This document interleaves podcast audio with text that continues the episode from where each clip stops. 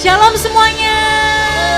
Uh, akhirnya kita balik lagi nih di Badayut kali ini. So aku mau siap, aku mau encourage kalian semua untuk siapkan hati, siapkan pikiran kalian buat ketemu sama Tuhan. Yuk sebelum kita mulai, mari kita satu hati dalam berdoa.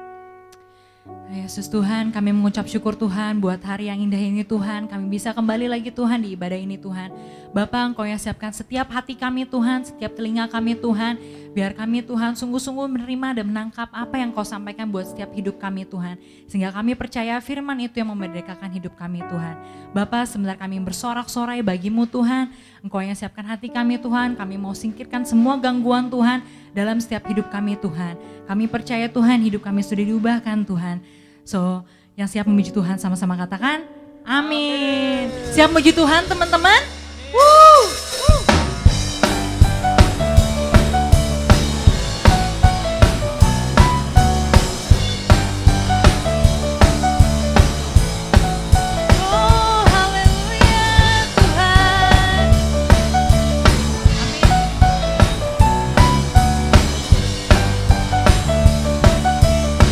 Yuk sama-sama kita katakan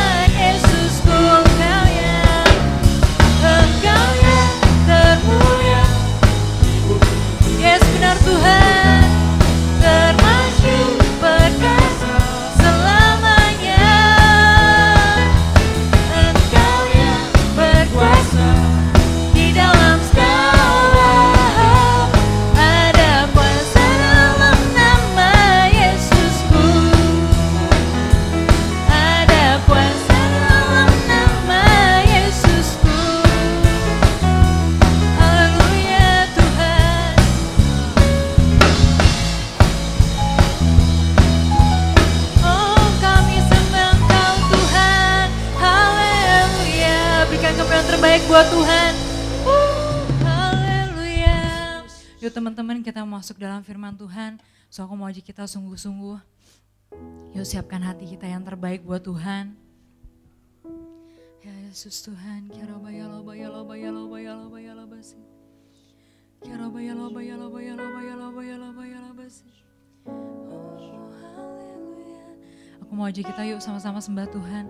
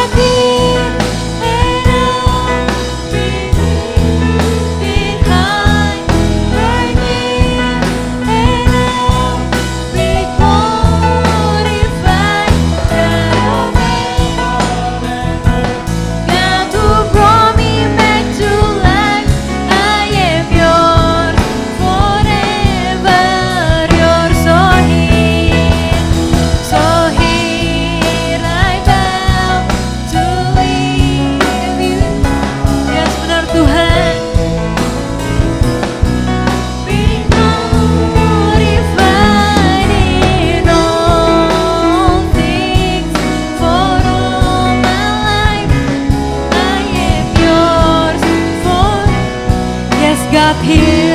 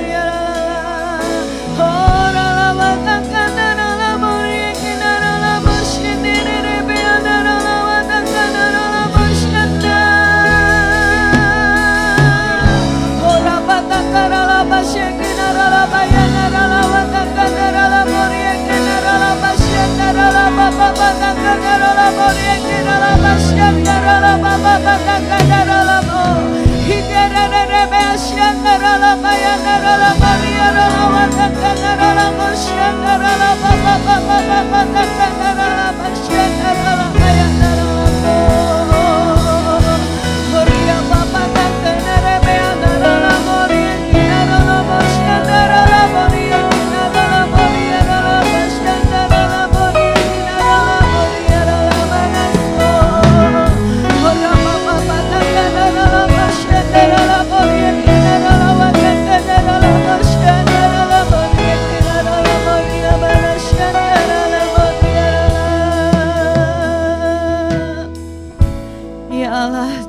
sejahtera. Engkau yang menguduskan setiap kami hamba-hambamu Tuhan. Anak-anak muda di generasi ini Tuhan Yesus. Kuduskan setiap anak-anak mudamu Tuhan. Anakmu laki-laki, anakmu perempuan, di mana pun saat ini berada. Allah sumber damai sejahtera. Menguduskan kamu seluruhnya dan kami berdoa semoga roh, jiwa, dan tubuh setiap kita terpelihara sempurna. Dengan tak bercacat pada kedatangan Yesus Kristus Tuhan kita. Roh Kudus, sungguh-sungguh kami perlu Engkau. Di masa-masa ini Roh Kudus, sungguh-sungguh kami perlu Engkau. Marialah Roh Kudus, berbicaralah pada setiap kami di mana pun saat ini kami berada Tuhan. Kami percaya firman-Mu tidak bisa dibatasi oleh apa pun. Firman-Mu berkuasa sebab firman-Mu itu hidup. Firman-Mu tajam. Firman-Mu berkuasa atas setiap kami Tuhan. Terpujilah nama Tuhan Yesus Kristus. Berikan kami hati yang lembut, hati yang taat. Agar roh kudus sempurna mengubah setiap kami menjadi pribadi yang berkenan bagi Engkau Tuhan. Terpujilah nama Tuhan Yesus Kristus. Haleluya. Amin. Shalom semuanya, shalom anak muda di mana pun saat ini kau berada. Bagaimana keadaanmu saat ini?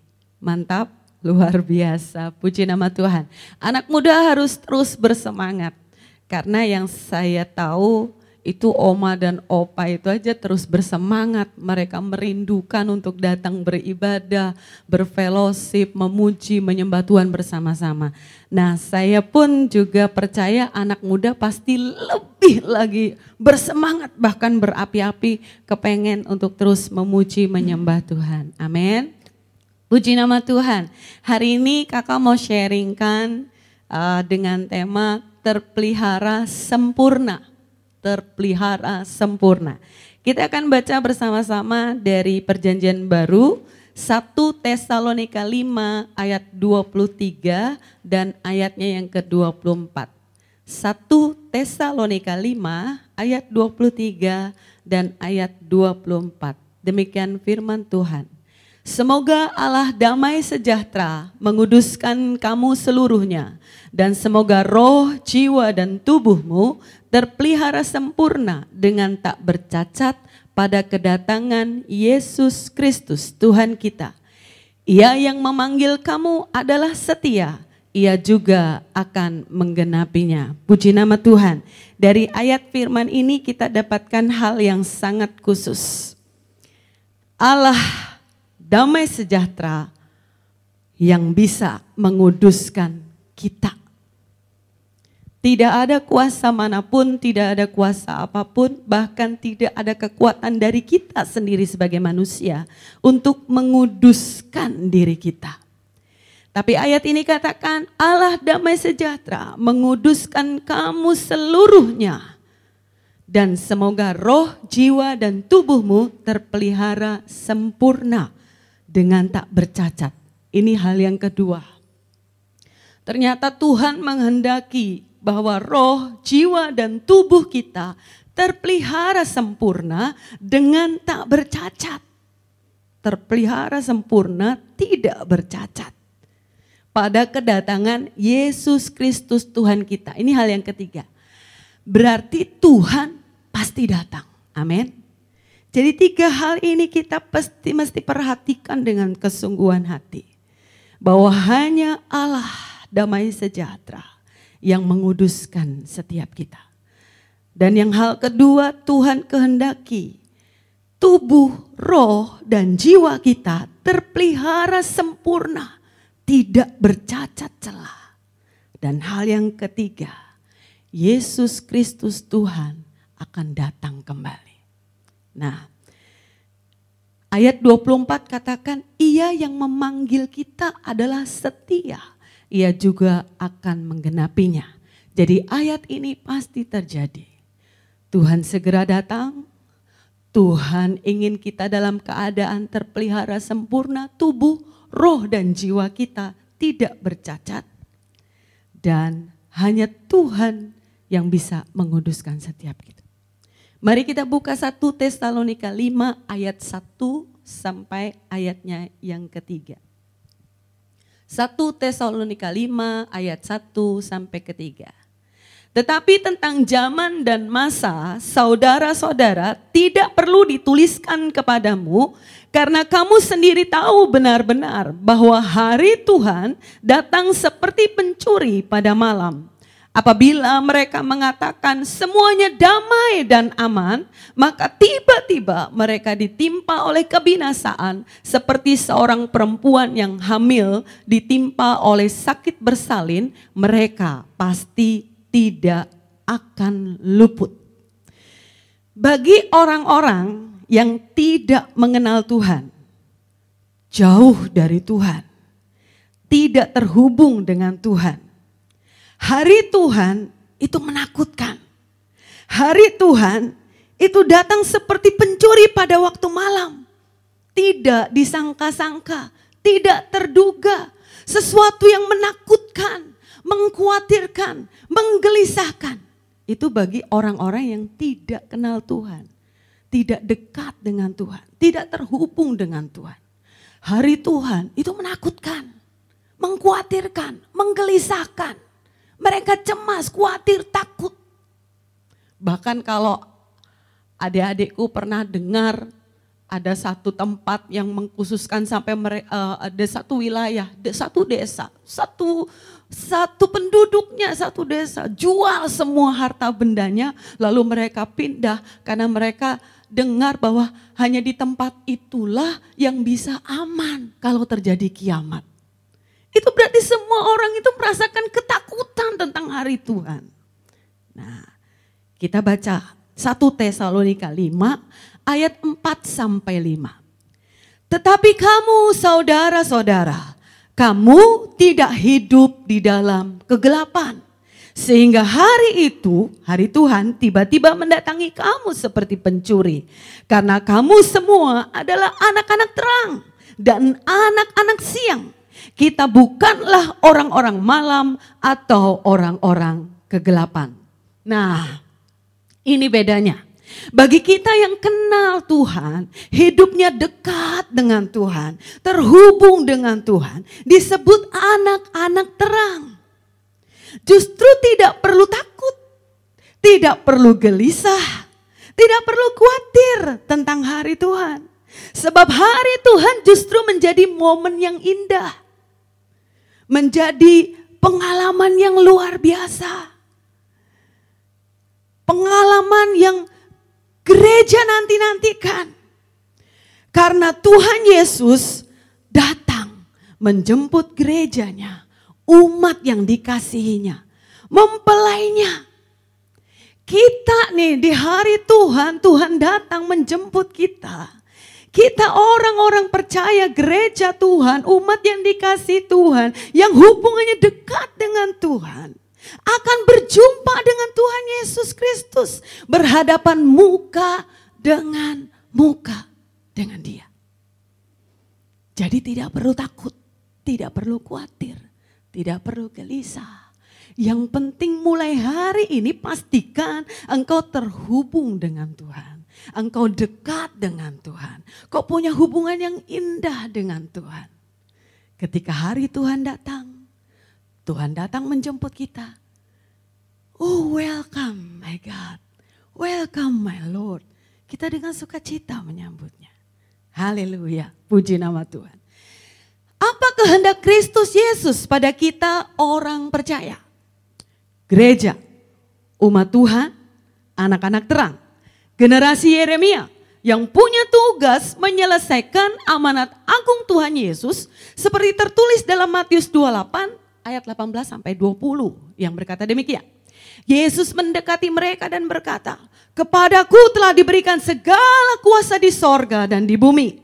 Karena itu pergilah, jadikanlah semua bangsa muridku dan baptislah mereka dalam nama Bapa dan Anak dan Roh Kudus dan ajarlah mereka melakukan segala sesuatu yang telah kuperintahkan kepadamu dan ketahuilah Aku menyertai kamu senantiasa sampai kepada akhir zaman. Luar biasa.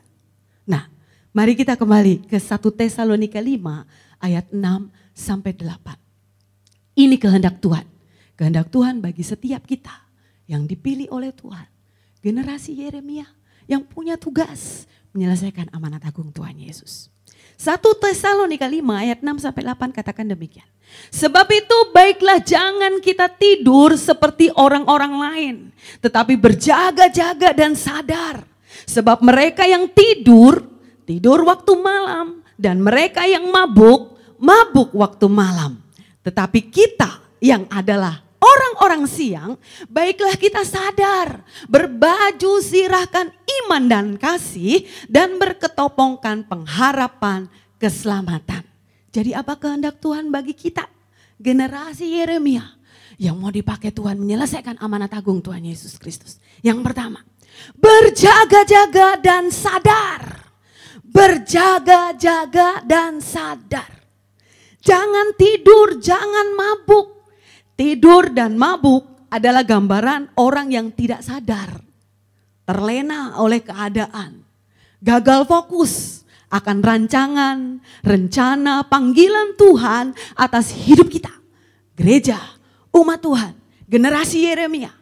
Jadi hilang fokus mengerjakan kehendak Bapa pada zaman ini. Untuk selesaikan amanat agung Tuhan Yesus. Ayo, ayo kembali pada fokus kita sebagai orang-orang yang sudah ditebus Tuhan Yesus dari ikatan dosa, kutuk, dan maut dengan harga yang mahal, tubuh dan darahnya. Ayo mengasihi Tuhan. Caranya dengan mengerjakan kehendaknya. Ayo mengasihi sesama kita. Dengan mendoakan mereka dan beritakan Injil, kabar keselamatan kepada mereka. Hal yang kedua yang Tuhan kehendaki. Berbaju sirahkan iman dan kasih. Artinya, pastikan hidup kita memiliki iman percaya yang teguh akan Yesus Kristus sebagai Tuhan dan Juru Selamat. Yesus Kristus satu-satunya jalan dan kebenaran dan hidup. Yesus Kristus yang disalibkan untuk tebus dosa manusia, mati, dikuburkan, dibangkitkan pada hari yang ketiga, naik ke surga, sediakan tempat bagi kita orang-orang yang percaya padanya dan akan datang kembali menjemput kita orang-orang yang percaya padanya. Artinya, pastikan hidup kita memiliki kasih Kristus Yesus. Mengasihi Allah Bapa dengan segenap hati, segenap jiwa, segenap kekuatan, segenap akal budi. Dan belas kasihan kepada jiwa-jiwa. Itu hatinya Tuhan. Apa kehendak Tuhan? atas kita. Yang ketiga, berketopongkan pengharapan keselamatan. Nah, taruh di pikiran kita. Pikirkan, renungkan bahwa hanya di dalam Yesus Kristuslah ada pengharapan dan keselamatan. Kita tidak bisa berharap, berlindung, mohon keselamatan dari siapa pun atau apa pun. Hanya pada Yesus Kristus sajalah pengharapan dan keselamatan kita. Sebab itu, pikirkanlah perkara yang di atas, bukan yang di bumi. Itu ada dalam Kolose 3 ayat 2. Semua yang benar, semua yang mulia, semua yang adil, semua yang suci, semua yang manis, semua yang sedap didengar, semua yang disebut kebajikan dan patut dipuji. Pikirkanlah semuanya itu. Filipi 4 ayat 8 mencatatnya. Karena itu, dengar baik-baik anak-anak muda. Pikiran yang baik dan benar akan hasilkan perbuatan, kebiasaan, gaya hidup, dan karakter serta kehidupan masa depan yang baik dan benar pula. Begitu pentingnya apa yang kita pikirkan. Saya sangat berharap mulai hari ini anak muda mulai berpikir yang baik dan benar sesuai kehendak Tuhan. Apa kehendak Tuhan yang keempat bagi kita? Pastikan manusia rohmu dalam keadaan on fire.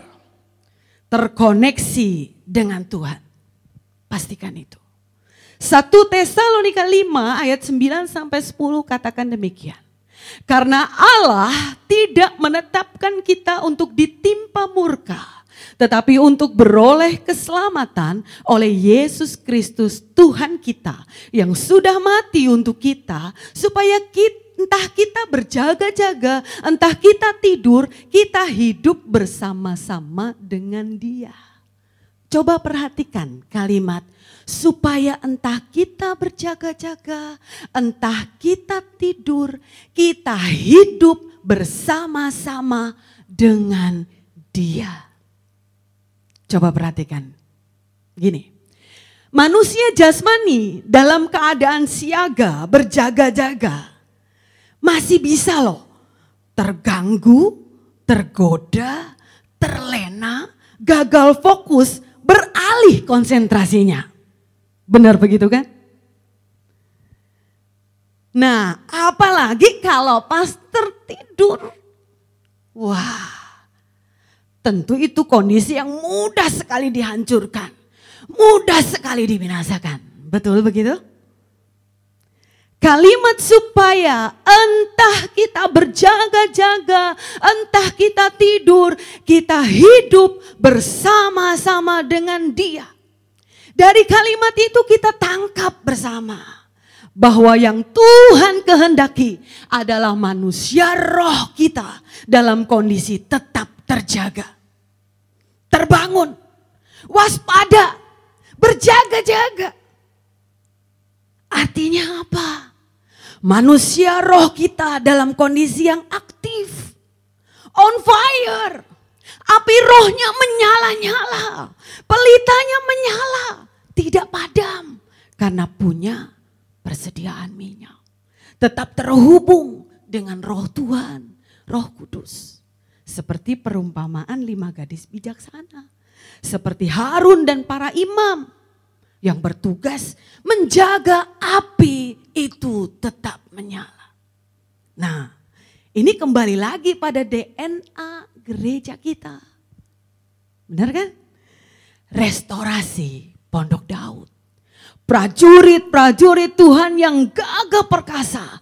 Yang memiliki gaya hidup berdoa. Memuji menyembah Tuhan bersama-sama dalam unity. Siang dan malam dan yang melakukan kehendak Bapa pada zaman ini.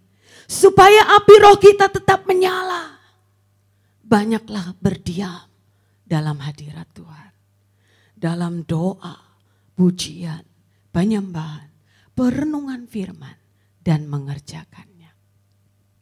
Kehendak Tuhan yang kelima, peduli atau care. 1 Tesalonika 5 ayat 11 katakan begini. Karena itu nasihatilah seorang akan yang lain dan saling membangunlah kamu seperti yang memang kamu lakukan. Nasihatilah seorang akan yang lain dan saling membangun. Bukan menghakimi, bukan menyudutkan, bukan menjatuhkan, bukan menghancurkan. Menasehati, membangun. Apa kehendak Tuhan? Yang keenam. Hormati pemimpin rohani. Bapak rohani, mentor rohani. Dan hidup berdamai dengan semua. 1 Tesalonika 5 ayat 12 sampai 13. Tertulis demikian. Kami minta kepadamu saudara-saudara, supaya kamu menghormati mereka yang bekerja keras di antara kamu, yang memimpin kamu dalam Tuhan dan yang menegur kamu, dan supaya kamu sungguh-sungguh menjunjung mereka dalam kasih karena pekerjaan mereka. Hiduplah selalu dalam damai seorang dengan yang lain. Dan yang ketujuh, kehendak Tuhan atas setiap kita generasi Yeremia. Jangan bosan berbuat baik. Karena perbuatan baik adalah buah dari pertobatan dan keselamatan yang kita terima. 1 Tesalonika 5 ayat 14 sampai 15. Kami juga menasehati kamu saudara-saudara. Tegurlah mereka yang hidup dengan tidak tertib. Hiburlah mereka yang tawar hati. Belalah mereka yang lemah Sabarlah terhadap semua orang. Perhatikanlah supaya jangan ada orang yang membalas jahat dengan jahat. Tetapi usahakanlah senantiasa yang baik terhadap kamu masing-masing dan terhadap semua orang. Tetaplah berbuat baik. Dalam situasi kondisi saat-saat ini, banyak kesempatan Tuhan berikan pada kita untuk berbuat baik. Kerjakan apa yang kau mampu kerjakan, kerjakan itu. Berbuat baik. Kehendak Tuhan atas kita yang kedelapan. Tetap bersuka cita, berdoa, dan mengucap syukur dalam segala hal. Tertulis dalam 1 Tesalonika 5 ayat 16 sampai 18. Bersukacitalah senantiasa, tetaplah berdoa, mengucap syukurlah dalam segala hal, sebab itulah yang dikehendaki Allah di dalam Kristus Yesus bagi kamu. Amsal 24 ayat 10 katakan begini guys. Jika engkau tawar hati pada masa kesesakan, kecillah kekuatanmu. Saat engkau dalam kondisi tertekan, ada masalah, ada pergumulan, kamu dalam situasi yang tidak mengerti, belum tahu jalan keluarnya. Ayo bersuka cita, tetaplah bersuka cita, karena kau punya pengharapan Tuhan pasti tolong. Amin. Tetaplah berdoa, mengucap syukur dalam segala hal. Itu yang tidak akan membuat hatimu tawar. Kau akan tetap bersuka cita, bersyukur, menaruh harap kepada pertolongan Tuhan. Sehingga pada masa kesesakan pun, pada masa tertekan pun, engkau tetap punya kekuatan. Apa kehendak Tuhan yang kesembilan? Tidak kompromi pada dosa dan perkara duniawi. 1 Tesalonika 5 ayat 19 sampai 21 katakan demikian. Janganlah padamkan roh dan janganlah anggap rendah nubuat-nubuat. Ujilah segala sesuatu dan peganglah yang baik. Nah, ternyata di sini kita mulai tahu penting sekali bagi kita punya waktu pribadi untuk bersekutu dengan Tuhan. Katakan amin. P33 Project 33 double P, two W, P, P, W, W. Apa itu kak? Pray, praise, worship, and word. Pujian, penyembahan, doa, perenungan, firman. Dan mengerjakannya. Itu sangat penting di hari-hari ini ternyata. Saat teduh pribadi dengan Tuhan supaya engkau tidak kompromi terhadap dosa dan tidak kompromi terhadap perkara-perkara duniawi. Karena tiap kali firman selalu mengingatkan, Roh Kudus selalu mengingatkan. Yang ke sepuluh, kehendak Tuhan pada generasi Yeremia dalam menyelesaikan amanat agung Tuhan Yesus. Perhatikan pergaulanmu. Saring dengan siapa engkau bergaul, dengan siapa engkau terkoneksi. 1 Tesalonika 5 ayat 22 katakan demikian. Jauhkanlah dirimu dari segala jenis kejahatan. Segala jenis kejahatan.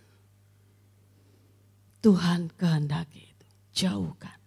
Jauhkan dirimu dari segala jenis kejahatan. Sebab itu perhatikan pergaulanmu karena 1 Korintus 15 ayat 33 bilang begini, janganlah kamu sesat, pergaulan yang buruk merusakkan kebiasaan yang baik. Papi mami ngajak doa saat teduh mesbah doa keluarga. Bangun nilai kerajaan Allah. Tapi ketika engkau di luar bergaul dengan orang yang salah, nilai yang sudah ditanam itu akan berubah. Ingat baik-baik. Pergaulan yang buruk merusak kebiasaan yang baik. Amsal 22 ayat 15 katakan, kebodohan melekat pada hati orang muda. Ini firman loh ya yang bilang ya, bukan saya ya. Kebodohan melekat pada hati orang muda. Tetapi tongkat didikan akan mengusir itu daripadanya. Bersyukurlah kalau kamu punya papi dan mami atau mentor rohani atau bapak rohani yang cerewet. Yang selalu mengingatkan, ayo saat teduh, ayo P33, ayo bangun hubunganmu dengan Tuhan. Itu menyelamatkan hidupmu. Amsal 22 ayat 6 katakan, didiklah orang muda menurut jalan yang patut baginya, maka pada masa tuanya pun ia tidak akan menyimpang daripada jalan itu. Nah loh, siapa yang untung? Kamu juga kan? Waktu kamu sungguh-sungguh dengarkan nasihat, ikuti perintah dan kehendak Tuhan baik-baik, yang akan memetik buah kehidupan masa depan kamu juga. Nah, oke. Okay. Saya mengerti nih. Untuk sampai di garis finish, yakni menjadi serupa dengan Kristus Yesus itu tidak mudah. Benar ya? Karena pergumulan, peperangan rohani, mengalahkan, menyalipkan keinginan daging, sangkal diri, pikul salib, itu mustahil bagi manusia jasmani kita. Mustahil banget. Apalagi di usia muda seperti kalian saat ini. Saya paham. Kenapa saya paham? Karena saya pernah ada di usia kalian juga. Saya pernah muda, gak mungkin lahir lalu tiba-tiba langsung seperti begini ada masa muda yang saya lewati. Dan saya memahami karena saya juga menghadapi di masa usia saya muda, saya menghadapi godaan, menghadapi tekanan, menghadapi pergumulan, menghadapi peperangan rohani yang tidak mudah. Sama seperti yang kamu hadapi hari-hari ini. Tapi kabar sukacitanya hari ini kita dapatkan kunci kemenangan kita. Amin. Itu yang akan memampukan kita. Seperti Tuhan beri kemampuan bagi saya. Memenangkan peperangan rohani saya. Membimbing saya untuk tetap stay di jalan Tuhan. Tetap setia di jalan Tuhan. Saya yakin Tuhan yang sama akan kerjakan hal yang sama pula bagi kalian semua generasi Yeremia. Dengan catatan, generasi Yeremia yang mau serius turut terlibat dalam pekerjaan Tuhan yang besar dan mulia. Saya ingat masa-masa muda dulu saya. Saya mulai bekerja, dapat income sendiri. Orang-orang sebaya saya udah berusaha untuk nabung, beli mobil, beli motor, beli rumah. Dan saya suka ditanya, mana uang hasil kerjamu? Waktu saya masih single, uang gajian saya selalu habis untuk apa? Selalu saya punya keinginan bahwa jiwa datang kepada Tuhan. Saya selalu ngajak teman, teman kantor, teman ngejim atau teman apa pun. Ayo ikut persekutuan. Saya nggak punya duit, tak bayarin taksi. Tak kasih makan, Gaji saya habis hanya untuk itu. Saking pengennya bawa orang-orang ketemu sama Tuhan. Nah, itu yang jadi fokus kita seharusnya. Yang saya mau bagikan pada kita anak-anak muda. Miliki fokus itu. Melakukan kehendak Bapa. Nah, roh Tuhan, roh kudus, itu yang memampukan kita. Ini kunci yang kita dapatkan. Manusia roh kita harus tetap hidup. Harus tetap on. Harus tetap menyala. On fire. Terus gimana caranya? Harus terkoneksi dengan roh Tuhan. Roh Kudus. Karena itulah yang memampukan kita untuk tetap ada di dalam Kristus Yesus. Tetap setia. Tetap ada dalam rencana dan rancangannya tetap kuat, hidup berkenan baginya, melakukan kehendak Bapa pada zaman ini. Amin. Saya undang pemusik WL Singer boleh maju. Saya mengajak kita bersama-sama mau nyanyikan lagu Ya Allah Damai Sejahtera. Biar pujian ini bukan sekedar pujian, tapi ini kerinduan kita sama Tuhan. Meskipun engkau anak-anak muda, ketika engkau memiliki hati yang haus, hati yang rindu, agar lagu ini digenapi dalam hidupmu. Tuhan respect dengan itu. Karena Tuhan cari anak-anak muda yang bergairah sama Tuhan yang terpaut sama Tuhan, yang menyadari panggilannya dan mau mengerjakannya sampai garis akhir. Ya Allah, damai sejahtera, kuduskan aku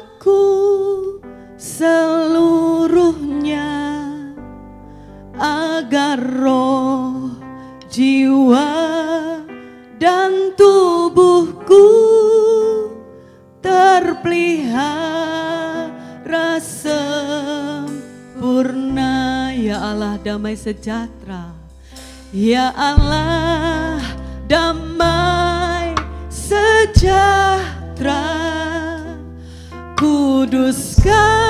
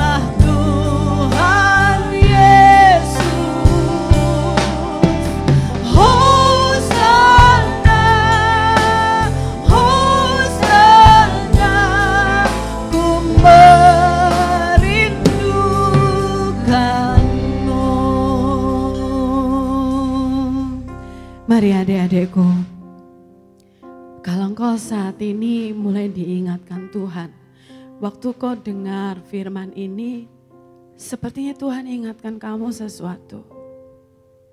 Iya Tuhan. Kalau aku diselamatkan itu kasih karunia. Kalau aku sampai hari ini masih Kristen Masih mengenal Tuhan Yesus Masih bersekutu dengan Tuhan itu juga kasih karunia. Karena Tuhanlah yang memelihara sehingga aku tetap stay di situ. Sehingga aku tetap setia akan iman percayaku kepada Tuhan Yesus Kristus. Dan kalau hari ini Tuhan ingatkan kembali, ayo nak, bangkitlah, bergeraklah, lakukan bagianmu, kerjakan bagianmu pergi, beritakan Injil, menjadi saksiku. Tuhan janji menyertaimu sampai akhir zaman. Kalau hari ini engkau bertekad sama Tuhan. Tuhan, aku bersyukur karena kau selamatkan aku. Aku bersyukur buat anugerah kasih setiamu. Dan aku mau Tuhan terlibat, turut serta ambil bagian, mengerjakan panggilan Tuhan, menyelesaikan amanat agung.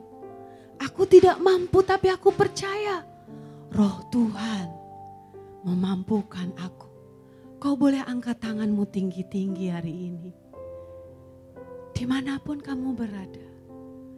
Kalau itu jadi isi hatimu, keinginanmu, kerinduan. Kau boleh angkat tanganmu karena Tuhan lihat, Tuhan lihat respon hatimu saat ini. Tuhan, kau lihat setiap tangan anak mudamu laki-laki, anak mudamu perempuan, tangan-tangan yang diangkat. Karena mereka bersyukur, berterima kasih pada Tuhan. Karena engkau selamatkan mereka. Karena engkau pilih mereka. Karena engkau berikan anugerahmu kasih karuniamu. Mereka bersyukur buat itu Tuhan. Dan kau melihat tangan-tangan yang terangkat. Yang mereka menyadari akan panggilanmu atas hidup mereka. Dan mereka mau Tuhan totality. Mau sungguh-sungguh menyerahkan hidup mereka. Turut ambil bagian mengerjakan tugas mereka menyelesaikan amanat agung Tuhan Yesus. Tuhan, Aku minta Tuhan, seperti Engkau memampukanku, mampukan mereka juga. Seperti Engkau memelihara imanku di masa muda sampai saat ini aku tetap setia di jalan Tuhan. Engkau juga akan lakukan hal yang sama buat setiap anak-anak muda yang sedang mengangkat tangan, meresponi akan firman-Mu hari ini. Roh Kudus, hanya Engkau kekuatan kami. Roh Kudus, hanya Engkau yang memampukan kami. Dan kami percaya Engkau Allah yang setia, Allah yang selalu menggenapi janji. Dulu aku terima janji, dan sekarang Engkau menggenapinya, dan aku menikmatinya. Dan aku percaya Anak-anak muda di mana pun saat ini berada, mereka yang meresponi firman-Mu hari ini, Engkau juga akan berikan janji pada mereka dan Engkau pasti menggenapinya dalam hidup mereka Tuhan. Terima kasih Bapak, aku bersyukur buat firman-Mu hari ini. Berkati Tuhan, berkati semua anak-anak mudamu, laki-laki dan perempuan yang menyaksikan, yang meresponi akan firmanmu hari ini.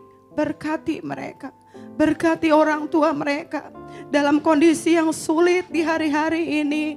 Tuhan buka jalan, Tuhan sanggup menolong. Tuhan buka pintu-pintu berkat. Tuhan buka tingkap-tingkap langit. Berkati setiap keluarga. Berkati setiap rumah tangga.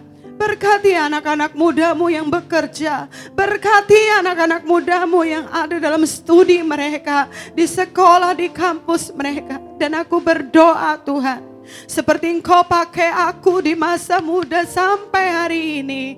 Pakai anak-anak mudamu laki-laki dan perempuan. Pakai mereka menjadi alatmu. Memberitakan Injil. Menyatakan tanda-tanda heran mujizat dan kesembuhan. Beri kuasa roh kudusmu atas mereka. Di kampus, di sekolah, di kantor, di tempat mereka berbisnis.